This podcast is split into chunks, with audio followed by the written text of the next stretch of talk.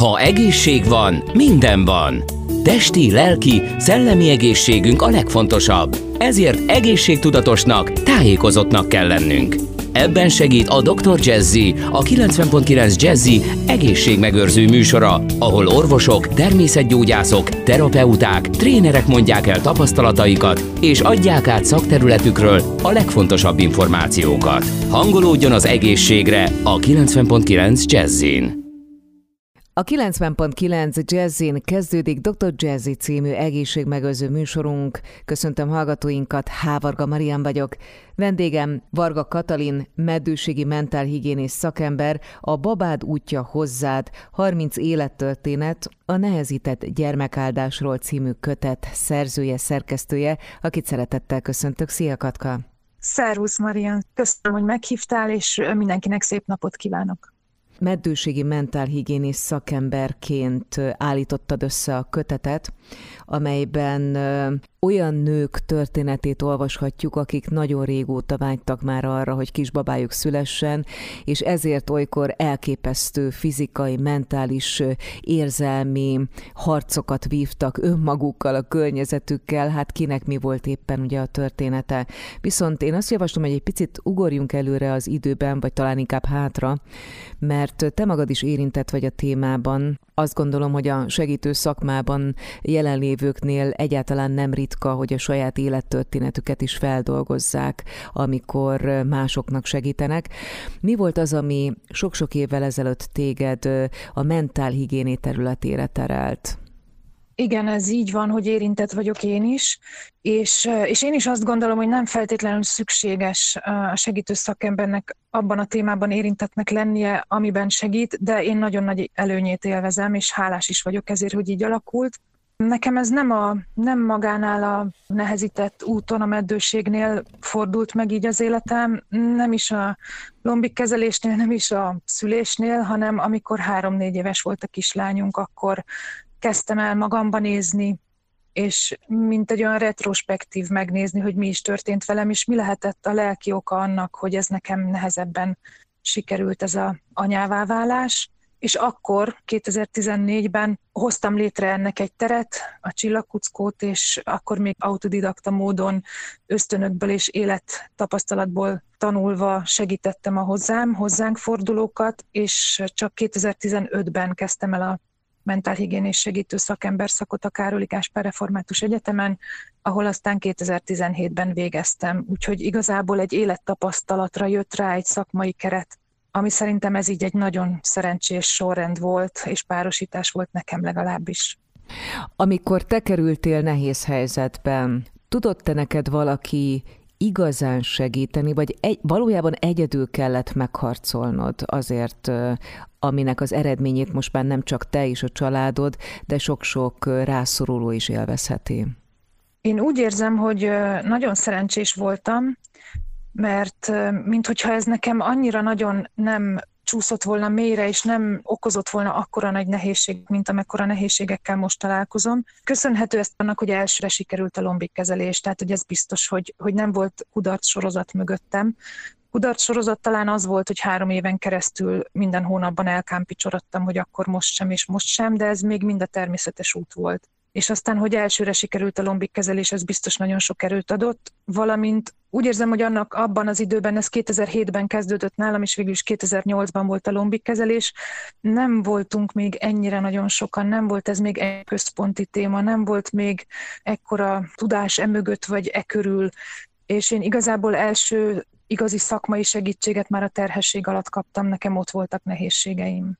Az anyukák, akik megosztják a történeteiket az olvasókkal, szinte mind, ha én jól érzékeltem, bő 30-asok, 35-40 közöttiek, és ezzel azon tűnődtem, amikor készültem a beszélgetésre, hogy vajon alátámaszthatjuk-e azt a sztereotípiát, hogy a lombikos anyukák azok már mind ketyegő biológiai óra miatt kezdenek el mindenféle eszközöket igénybe venni, és néhol sikerül, néhol nem, miközben ez egyáltalán nem törvényszerű, hiszen bármely életkorban, akár a 20-as években is előfordulhat egy nehezített gyermekáldás. De mi a te tapasztalatod?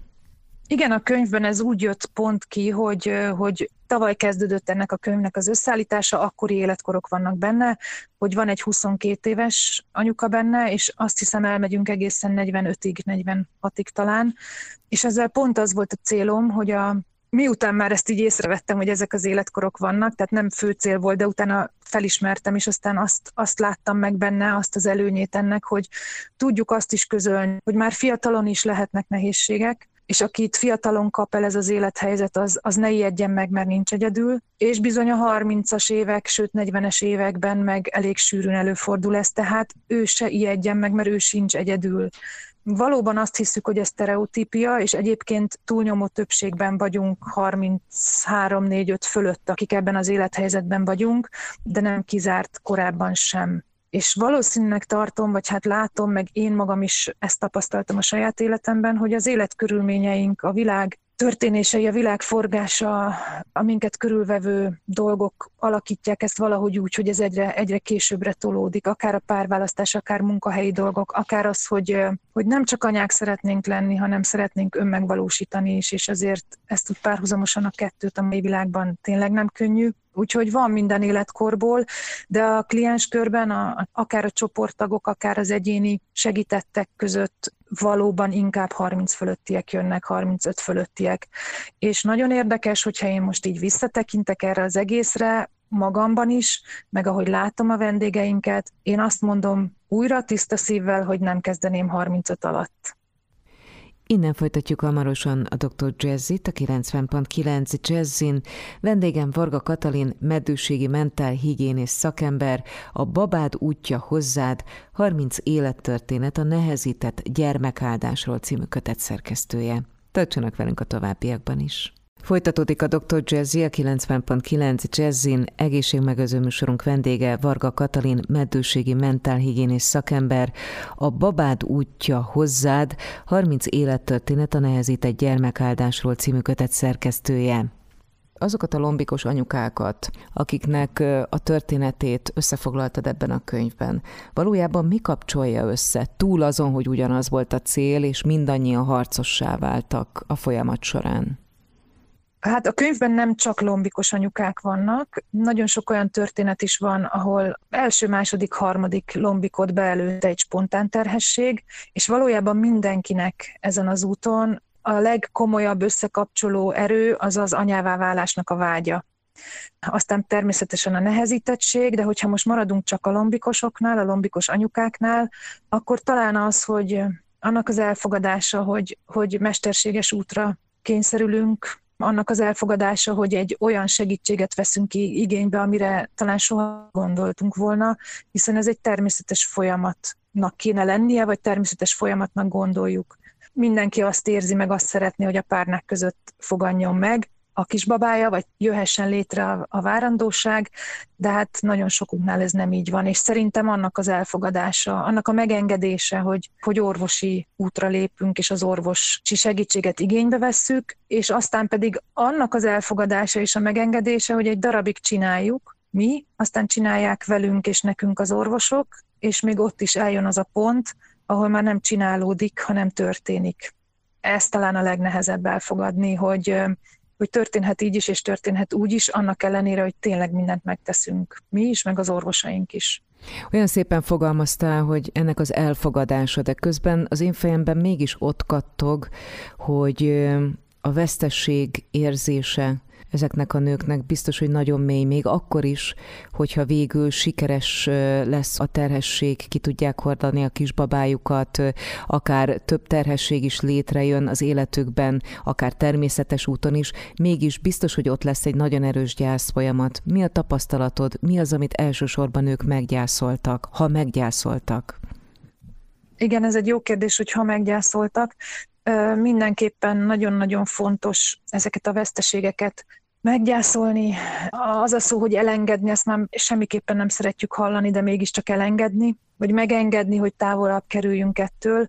Hát elsősorban sokan a meg nem született magzatot, a meg nem született babát gyászoljuk, de lehet egyébként gyászolni, és nagyon fontos is gyászolni az elmúlt időt, a párkapcsolati dinamika megváltozását, akár azt is, hogy mellettünk mennek el barátok és alakulnak családok, olyan gyász is van, hogy közben szülők, nagyszülők halnak meg, az is nagyon-nagyon-nagyon befolyással tud lenni a, a mi alakulásunkra és változásunkra, és akár egy nem jól sikerült terhességre is, egy újonnan bejövő gyász a családból.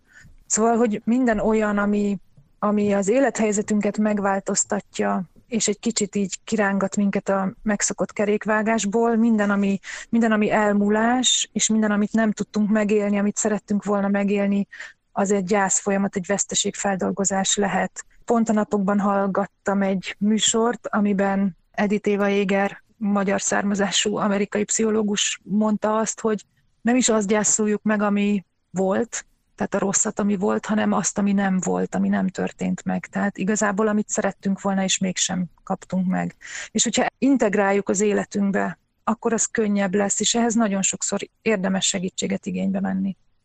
A beszélgetés korábbi perceiben volt egy mondatod, akkor azt mondtad, hogy tulajdonképpen ezeket a nőket többek között az köti össze, az kapcsolja össze láthatatlanul, hogy mindannyiukban iszonyú erős volt a vágy arra, hogy anyává váljanak. De közben meg ott van a másik kérdés is, hogy amikor ez egy ennyire erős vágy lesz, akaratlanul is projektálhatunk dolgokat, gölcsössé válhatnak próbálkozások, és közben a nőiség, a szexualitás megélése lehet, hogy csorbát szenved. Miről számoltak be az interjú alanyok? Hát arról, hogy nem csak lehet, hogy csorbát szenved, hanem a csorbát szenved, ez, ez szinte törvényszerű. Amikor egy ciklus monitorozás közben hazaküldenek minket az orvosok, és megmondják, hogy mely napokon érdemes együtt lenni, akkor ezt egy darabig lehet akár viccesen is felfogni, meg bulit csinálni belőle, de egy idő után biztos, hogy már megüli a párkapcsolatot. A hormonoktól a libidó csökkenés az egészen biztos, hogy ott van. És jó lenne itt valahogy különbséget tenni, tudatosan, nagyon-nagyon-nagyon tudatosan, a között, hogy mely napokon van funkciója a szexnek, és mely napokon nincsen és több napon nincsen, mint hogy van, és akkor ezt el lehet nevezni úgy is, hogy babaszex és örömszex. És hmm. nagyon sokszor látjuk azt, hogy, hogy a tét nélküli örömszexben mindenféle biológiai ellentmondás mellett történik meg a csoda. Igen, csak pont ezt az állapotot nagyon nehéz elérni a folyamat közepette. Nagyon. De ami szerintem itt a legfontosabb, az az őszinte kibeszélés. Szoktam látni a csodálkozó szemeket, amikor egy második vagy már egy harmadik néha már az első találkozáskor is rákérdezek erre témára, mert hogy nagyon-nagyon-nagyon fontos. És amikor azt érzékelik, hogy erről lehet beszélni, és hogy ez nem tabu, és nem ciki, és mindent elmondanak, amit még talán soha nem mondtak el, akkor az nagyon-nagyon komoly energiafelszabadító. És ilyenkor nem adhatunk tanácsot, tehát nem mondhatom azt, hogy engedd el, vagy felejtsd el, vagy működj úgy, mint régen működtél. Ez magától fog bekövetkezni jó esetben, akkor, amikor már olyan sokat beszéltünk róla, hogy szinte már triviális, hogy megbeszéltük, és tényleg kiengedtünk magunkból minden frusztrációt, dühöt. Őszintén el tudja mondani egy hölgy azt, hogy ő már nem is szeretné, vagy nem is kívánja, vagy, vagy hogy ezt hogy mondja el a párjának, vagy a párja nem kívánja, mert azt érzi, hogy csak arra van felkérve, hogy gyereket kell csinálni. Tehát én nekem ez az őszinte szemétől személyig való, szívtől szívig való kapcsolódás, ez az, ami segít. Hogyha ez is kijön a beszélgetések alatt, akkor erre vannak gyakorlatok, hogy ezen hogy tudunk lazítani, vagy hogy tudjuk ezt jobban elengedni. Innen folytatódik hamarosan a Dr. Jazzy, a 90.9 Jazzin, egészségmegőző műsorunk vendége, Varga Katalin, meddőségi mentálhigiénés szakember, a Babád útja hozzád, 30 élettörténet a nehezített gyermekáldásról című kötet szerkesztője. Ha egészség van, minden van. Testi, lelki, szellemi egészségünk a legfontosabb. Ezért egészségtudatosnak, tájékozottnak kell lennünk. Ebben segít a Dr. Jazzy, a 90.9 Jazzy egészségmegőrző műsora, ahol orvosok, természetgyógyászok, terapeuták, trénerek mondják el tapasztalataikat, és adják át szakterületükről a legfontosabb információkat. Hangolódjon az egészségre a Dr. Jazzivel. Minden szombaton délután 4 órától és hétfőnként este 7 órától itt a 90.9 Jazzin. Folytatódik a Dr. Jazzy, a 90.9 Jazzin. Egészségmegőző műsorunk vendége Varga Katalin, meddőségi mentálhigiénés szakember, a Babád útja hozzád 30 élettörténet a nehezített gyermekáldásról című kötet szerkesztője. Most arról a szakaszról beszéltünk elsősorban, amikor még készül az anyuka pár arra, hogy megfogan, hogy egy kisbabának ad majd életet. De ha megszületik az a kisbaba, és egészséges, sokszor a nehézségek folytatódnak, hiszen az anyává válás az, én azt gondolom, hogy nem annyira egyértelmű, mint ahogy azt nagyon sokszor feltételezzük, hogy attól, hogy valakinek megszületett a gyereke, egyáltalán nem biztos, hogy valóban lelkileg is, mentálisan is, fizikailag is felkészült erre a dologba, bár nyilván föl, fölnövünk a feladathoz, de mik azok a nehezítettségek, azok a kérdések, amelyek a szülés után foglalkoztatják az anyukákat? Hát mindannyiunkban szerintem, hogy elég jó anya vagyok-e, vagy jó anya vagyok-e, és akkor ebből jöhetne az, hogy elég jó anya vagyok-e. Az önbizalom, itt nagyon az önbizalom, és a legfontosabb szerintem talán itt a felelősségvállalás. Tehát ez egy nagyon-nagyon új helyzet mindannyiunk életében. Hiába van bennünk az az ösztön, az az anyai ösztön, mégiscsak, mégiscsak egy teljesen új feladat, rengeteg változás, és hogy jól csinálom-e, felismerem-e a gyerekeimnek a, az igényeit, hogy fogom meg, mit csinálok vele. Ettől mindannyian szerintem félünk így az elején, mert hogy új dolog és tényleg nem is gondoltuk volna, de, de jönnek vissza hozzánk akár várandósan is vendégeink, meg utána már kisbabával, kisgyerekkel is, egyszerűen csak ventilálni, kiönteni a szívüket, elmondani, mi történik, és akkor kapni egy megerősítést arról, hogy nem rossz anyák. És nekem itt van egy nagyon-nagyon fontos mottóm, vagy fogalom, vagy érzésem, hogy mindig a cselekedet mögötti szándékot nézzük meg. Tehát, hogyha én a legjobbat igyekszem megtenni, akkor azzal nem tudok rosszat csinálni. Szándékosan biztos, hogy nem tudok, és hogy, és hogy biztos, hogy lehet kapni praktikus segítséget is, meg lelki segítséget is mindenhonnan. És ez fontos egyébként visszatekintve a saját anyáinkra is, hogy ha tudjuk azt, hogy, hogy nekünk csak jót akartak, akkor azzal is meg lehet békélni, hogy jó, oké, lehet, hogy nem kaptuk azt, amire szükségünk volt, akkor vagy most azt érezzük, hogy nem kaptuk meg, amire szükségünk volt, de tudjuk, hogy legjobbat akarták adni, és ugyanígy mi is a legjobbat akarjuk adni a gyerekünknek. Aztán lehet, hogy néha nem úgy sikerül, ahogy azt mi elképzeljük, de nagyon fontos az, hogy tudjuk magunkról azt, hogy jó emberek vagyunk, jó anyák vagyunk, és a gyerekünknek mi vagyunk a legjobb anyák, a saját anyukáik. Mire jöttek rá ezek a nők, ezek az anyukák saját magukkal kapcsolatban, amíg várták a kisbabájukat? Mit mondtak neked? Mi az, amit magukról megtudtak? Hasonló dolgot, mint a, a nehezítettség, úgymond a meddőség során, azok jönnek elő a várandóság alatt is, hogy a túlaggódás. A túlaggódás és a félelmek generálása, ami szintén egy teljesen valid és létjogosult dolog, de utólag mégis mindig arról számoltak be. Természetesen itt most tényleg az egészséges várandóságról és az egészséges babákról beszélek, mert ahol tényleg van nehezítettség, vagy van genetikai probléma, ott azt én nem szeretném túl aggódásnak hívni, mert az borzasztó lehet, az nálam, nálam nem volt, én ezt nem tudom átélni hogy az milyen. Mm. Itt együtt érezni tudok valamennyire, de ebbe így nem szeretnék belemenni, mert az, az biztos, hogy nagyon-nagyon kemény élethelyzet, de ahol minden jól ment, ott utólag mindig azt hallani, hogy ezt igazából túlagottam, vagy túlféltem, és ezeket szokták leginkább vissza. Igen.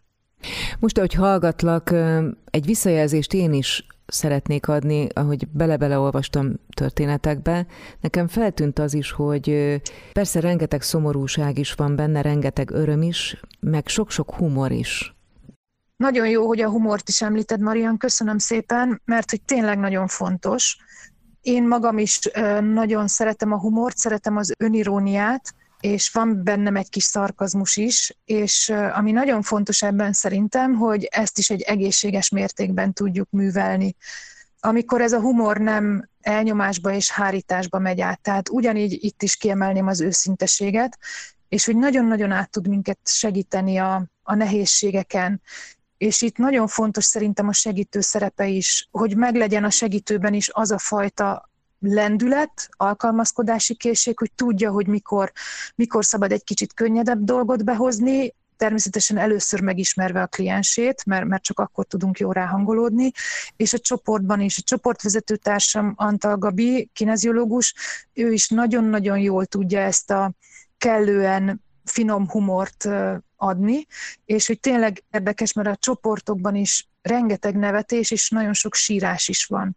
és hol a sírásból átcsapunk a nevetésbe, még könnyekkel a szemünkben, de hogy ez nagyon-nagyon sokat tud segíteni, és bátorítok mindenkit arra, hogy, hogy vegye elő a humorát is, mert ez is mindenkiben benne van. Hamarosan folytatjuk a beszélgetést Varga Katalin meddőségi mentálhigiénés szakemberrel itt a Dr. Jazziben, a 90.9 Jazzin. Tartsanak velünk a továbbiakban is. Ez továbbra is egészségmegőző műsorunk itt a 90.9 Jazzin.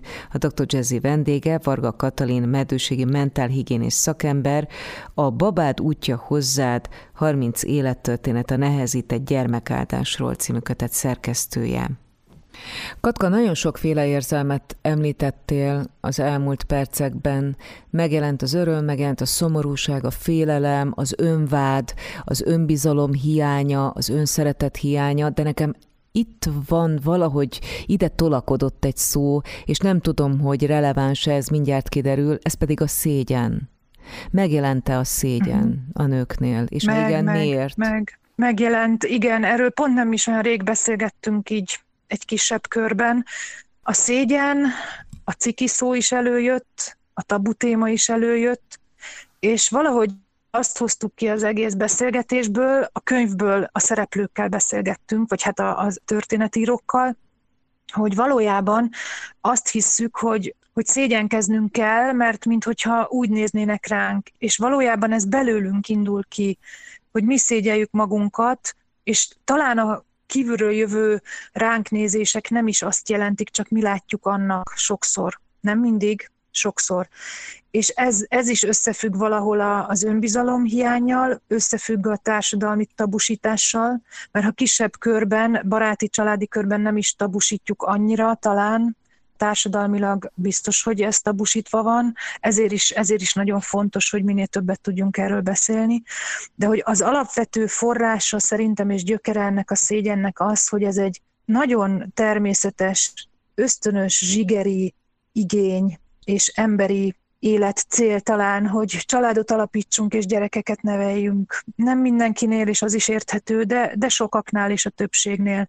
És hogy ezt az alapvető dolgot nem tudjuk teljesíteni a férfiak a megtermékenyítő képességükben, mi nők meg a megtermékenyülő képességünkben és egy várandóság kihordásában vagyunk megkérdőjelezve, és hogy ez, ez egy nehéz helyzet. És valahogy innen jöhet ez a szégyen, meg onnan, hogy, hogy általában, hogyha valamit meg akarunk oldani, meg akarunk csinálni, és az csak tőlünk függ, akkor azt meg tudjuk csinálni, vagy ha nem, akkor simán el tudjuk engedni. De itt hiába teszünk meg mindent, tényleg mindent, nem rajtunk múlik. És ezt egy kicsit visszakötném oda, amiről már beszéltünk, hogy egy darabig csináljuk, és csinálódik, és utána egy ponton, még akár egy lombik csészében is, az a két kicsi ivarsejt, ott már nem csinálódik semmi, hanem történik valami. Mint hogyha egy ilyen túlon túli dolog lenne, és hogy ebben nem tudunk beleszólni, ami tulajdonképpen szerintem egy jó dolog, hogy nem, nem vagyunk mindenhatóak, de közben meg nagyon-nagyon frusztráló lehet az, hogy tényleg mindent megteszünk, és sikerül, és aztán innentől kezdve elindul egy, egy szégyenérzet, és ez kumulálódni tud. Minél több sikertelenség van, annál nagyobb a szégyen. És ezért mondom, hogy nagyon fontos az őszinte kibeszélés, a tényleg őszinte, szívtől szívig kapcsolódós kibeszélés. Olyan szép volt, amit mondtál, hogy a túlon túli. Az jutott eszembe, hogy azok a nők, akikkel kapcsolatba kerültél, nem csak a könyv kapcsán, hanem az elmúlt években rengeteg csoportban és, és egyéni tanácsadásban, hogy láttad, ők mit mondtak? Erős volt a hitük, és nagyon bíztak abban, hogy mindez létrejöhet majd az életükben, vagy menet közben erősödött meg a hitük? Nagyon-nagyon változó. Van, aki sajnos már úgy indul el, hogy kaptam olyan kérdést, hogy mi van akkor, hogyha csak lombikkal lehet gyermekem? És akkor visszakérdeztem, hogy szeretnél már gyereket? És mondta, hogy még nem. És nekem nagyon szívbe döfő volt az, hogy még nem szeretne gyereket, de már azon gondolkozik, hogy mi van akkor, hogyha csak lombikkal lehet. És ez is ez, is ez a óriási hír áramlat, ami, ami jön ránk azzal, hogy ez milyen nehéz tulajdonképpen. Meg amikor már több hónapja nem sikerül teherbe esni, természetes úton, akkor az ember már elkezdi elveszteni a hitét abban, hogy, hogy ez sikerülni fog. Főleg úgy, hogy látjuk, hogy mennyire nagyon bejátszik most ez a termékenységi problémás út, és ez a, ez a mesterséges megtermékenyítés, és, és nagyon hullámzó a hit. Tehát, hogy egy, egy cikluson belül is tud a hitből hirtelen nagy kudarc élmény lenni, és ez igazából egyén függő is, hogy ki mennyire hisz. Óriási nagy hittel én még nem láttam igazából nagyon sok embert, aki ott ült volna velem szemben, hiszen pont azért jön, mert már nem hisz, és, és, és valahogy azt szeretné, hogyha hitet öntenénk belé, és ez olyan, mint hogyha, hogy, hogyha kívülről várna egy jó nagy adag hitet, amihez mi csak segíteni tudunk, a beszélgetésekkel, a különböző eszközökkel, technikákkal, de a hit az mindenkiben belül kell, hogy legyen, és akkor azt érdemes neki magának a mi segítségünkkel kihozni. Azonnal folytatódik beszélgetésünk Varga Katalin meddőségi mentálhigiénész szakemberrel itt a Dr. Jazziben, a 90.9 Jazzin. Ha egészség van, minden van. Testi, lelki, szellemi egészségünk a legfontosabb. Ezért egészségtudatosnak, tájékozottnak kell lennünk. Ebben segít a Dr. Jazzy, a 90.9 Jazzy egészségmegőrző műsora, ahol orvosok, természetgyógyászok, terapeuták, trénerek mondják el tapasztalataikat, és adják át szakterületükről a legfontosabb információkat. Hangolódjon az egészségre a 90.9 Jazzin.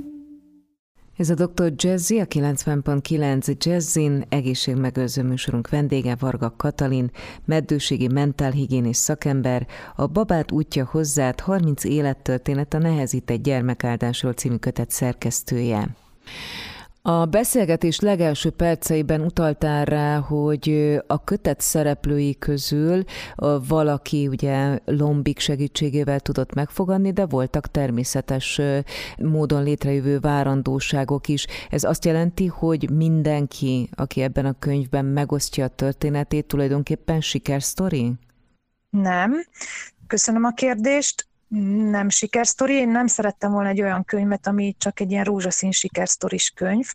Megkérdeztem jó pár hölgyet, akinek még nem sikerült a gyermekáldás, akik, akik várnak, még az úton vannak, hogy tudnának-e már nekünk írni így a közösbe segítséggyanánt. És uh, amikor a bejöttek a történetek, és amikor a kézirat úgy nagyjából kész volt, akkor kilencen voltak a harmincból, akik, akik azt mondták, hogy jó, én írok arról, hogy, hogy hogy alakult ez bennem, mi volt az, ami eddig is segített, mi az, amit már sikerült ebből elengedni, és szerintem ez egy óriási lépés, hogy már tudnak írni. És most már, mire a könyv kijött a nyomából, már csak hatan vannak, hárman közben írtak, hogy lehet a történet végét megváltoztatni, mert várandóság De jó. van. Úgyhogy ez egy óriási nagy, óriási nagy öröm, hogy a könyvet is alig tudtuk lezárni, mert folyamatos hmm. mozgásban volt. És, és az is nagyon szép, hogy van benne örökbefogadós történet, az is nagyon szép, hogy van petesejdonoros történetünk is. Szóval, hogy úgy, úgy mindenhonnan merítettünk, merítődő, hogy valahogy úgy összeállt az, hogy ez egy igazán, igazán jó segítőkönyv lehessen. Egy ilyen sorstársi segítőkönyv. Hmm. És most ez egy nagyon fontos hívószó, amit mondtál, mert kezdhettük volna úgy a beszélgetésünket, hogy miért írtad meg ezt a könyvet. De az annyira klisé uh-huh. lett volna, szerintem olyan jó, hogy most a végén kérdezhetem meg tőled, miután már annyi mindent elmondtál ezekről a nőkről, ezekről az anyukákról, ezekről a küzdelmekről, a harcokról, a hitről, a megerősödésről, hogy amikor ezt a sok-sok évnyi történetet ezt a sok-sok karaktert, ezt a sok-sok kisbabát végül megörökítetted, akkor magadnak mit fogalmaztál meg? Miért fontos neked ez a könyv? Érdekes, hogy, hogy akkor még nem volt ez ennyire nagyon megfogalmazódva bennem, hanem ahogy olvastam a történeteket, és ahogy összeállt az egész, azt éreztem, hogy közben jött meg nekem is az igazi, igazi értelme és a küldetése a könyvnek, az, hogy legyen egy virtuális sorsközösség, azoknak is, akik már járnak segítőhöz, nem csak hozzánk, máshoz is akár, azoknak is, akik nem jutnak el, vagy nem mernek, vagy nem szeretnének még, és óriási öröm, hogy vidékről is rendeltek már könyvet, meg már külföldről is, hogy így valahogy összefonódjunk tényleg, amit az elején mondtam, hogy az anyává válás vágya köt össze mindannyiunkat, és hogy ezen a szálon, e fonal mentén tudjunk közös úton menni, ez, ez vált most nekem nagyon fontossá, és hogy ma is kaptam egy olyan visszajelzést, aki azt írta ráadásul egyik történetírónk, hogy olyan jó lett volna, hogyha már akkor is olvashatott volna, mert, mert különböző Facebook csoportokban azért tudunk olvasgatni, nagyon sokan vannak, sok a Facebook csoport, sok a csoporttag, de hogy itt, itt mégiscsak valahogy ez más, hogy van, mint hogy azt írta valaki, mint hogyha ez 30 barátnő lenne egy könyvben, és így, így kapnak segítséget. És ma pont azt mondta az egyik vendégem, hogy a mai beszélgetésen, hogy azért fogja ezt elolvasni, mert nem csak annyi fájdalmat fog olvasni, amit a csoportokban is olvas, hiszen ott azok vannak többnyire, akik a Facebook csoportokban, akik, akiknek még nem sikerült, hanem hogy itt vannak jó kimenetelű történetek is. Azok mellett is, akik, akiknek még nem sikerült a gyermekáldás. Szóval, hogy egy ilyen nagy, virtuális, sorsközösségi összekötő kötet. Uh-huh. Sok-sok évvel ezelőtt hoztad létre a csillagkuckót és már nagyon sok nő, nagyon sok pár volt a csillagkuckóban. Igazából ennyi év elteltével mi az, ami a misszióddá vált, ami túlmutat azon, hogy meddőségi mentálhigiénész szakember vagy? Ki vagy te igazán? Hogy én ki vagyok? Uh-huh. Azt gondolom, hogy, hogy egy tényleg nagyon megértő és nagyon együttérző ember, akinek bármit mondasz, nem tudok fennakadni rajta. Tényleg nem tudok, nem is akarok, de nem is tudok, és hogy, és hogy mindent, mindent nyugodtan ki lehet tenni, és nyugodtan meg lehet beszélni, a leges legrázósabb sztoritól kezdve mindent. Mert valahogy, valahogy most azt érzem, hogy mindenre nagyon nyitott. Még akkor is, hogyha pont abban az élethelyzetben még nem voltam, amit hallok, amit mesélnek nekem, de hogy nekem nincsen tabu és nincsen ciki. Ez a legfontosabb dolog és hogy mindemellett egy, egy boldog anyuka vagyok, és hogy most erről az oldalról is tudok segíteni már. Önök a mai Dr. Jazzyben Varga Katalin medőségi mentálhigiénész szakembert hallották, Nemrég jelent meg egy kötet, amelyet Katka szerkesztett, mégpedig azoknak a nőknek a történeteiből, akik a csillagkuckóban az elmúlt években megfordultak. A kötet címe A babád útja hozzád, 30 élettörténet a nehezített gyermekáldásról. Katka, nagyon köszönöm az összekapcsolódást. Én is nagyon köszönöm. Önöknek pedig megköszönöm megtisztelő figyelmüket, mára búcsúzik a szerkesztő műsorvezető Hávarga Marian.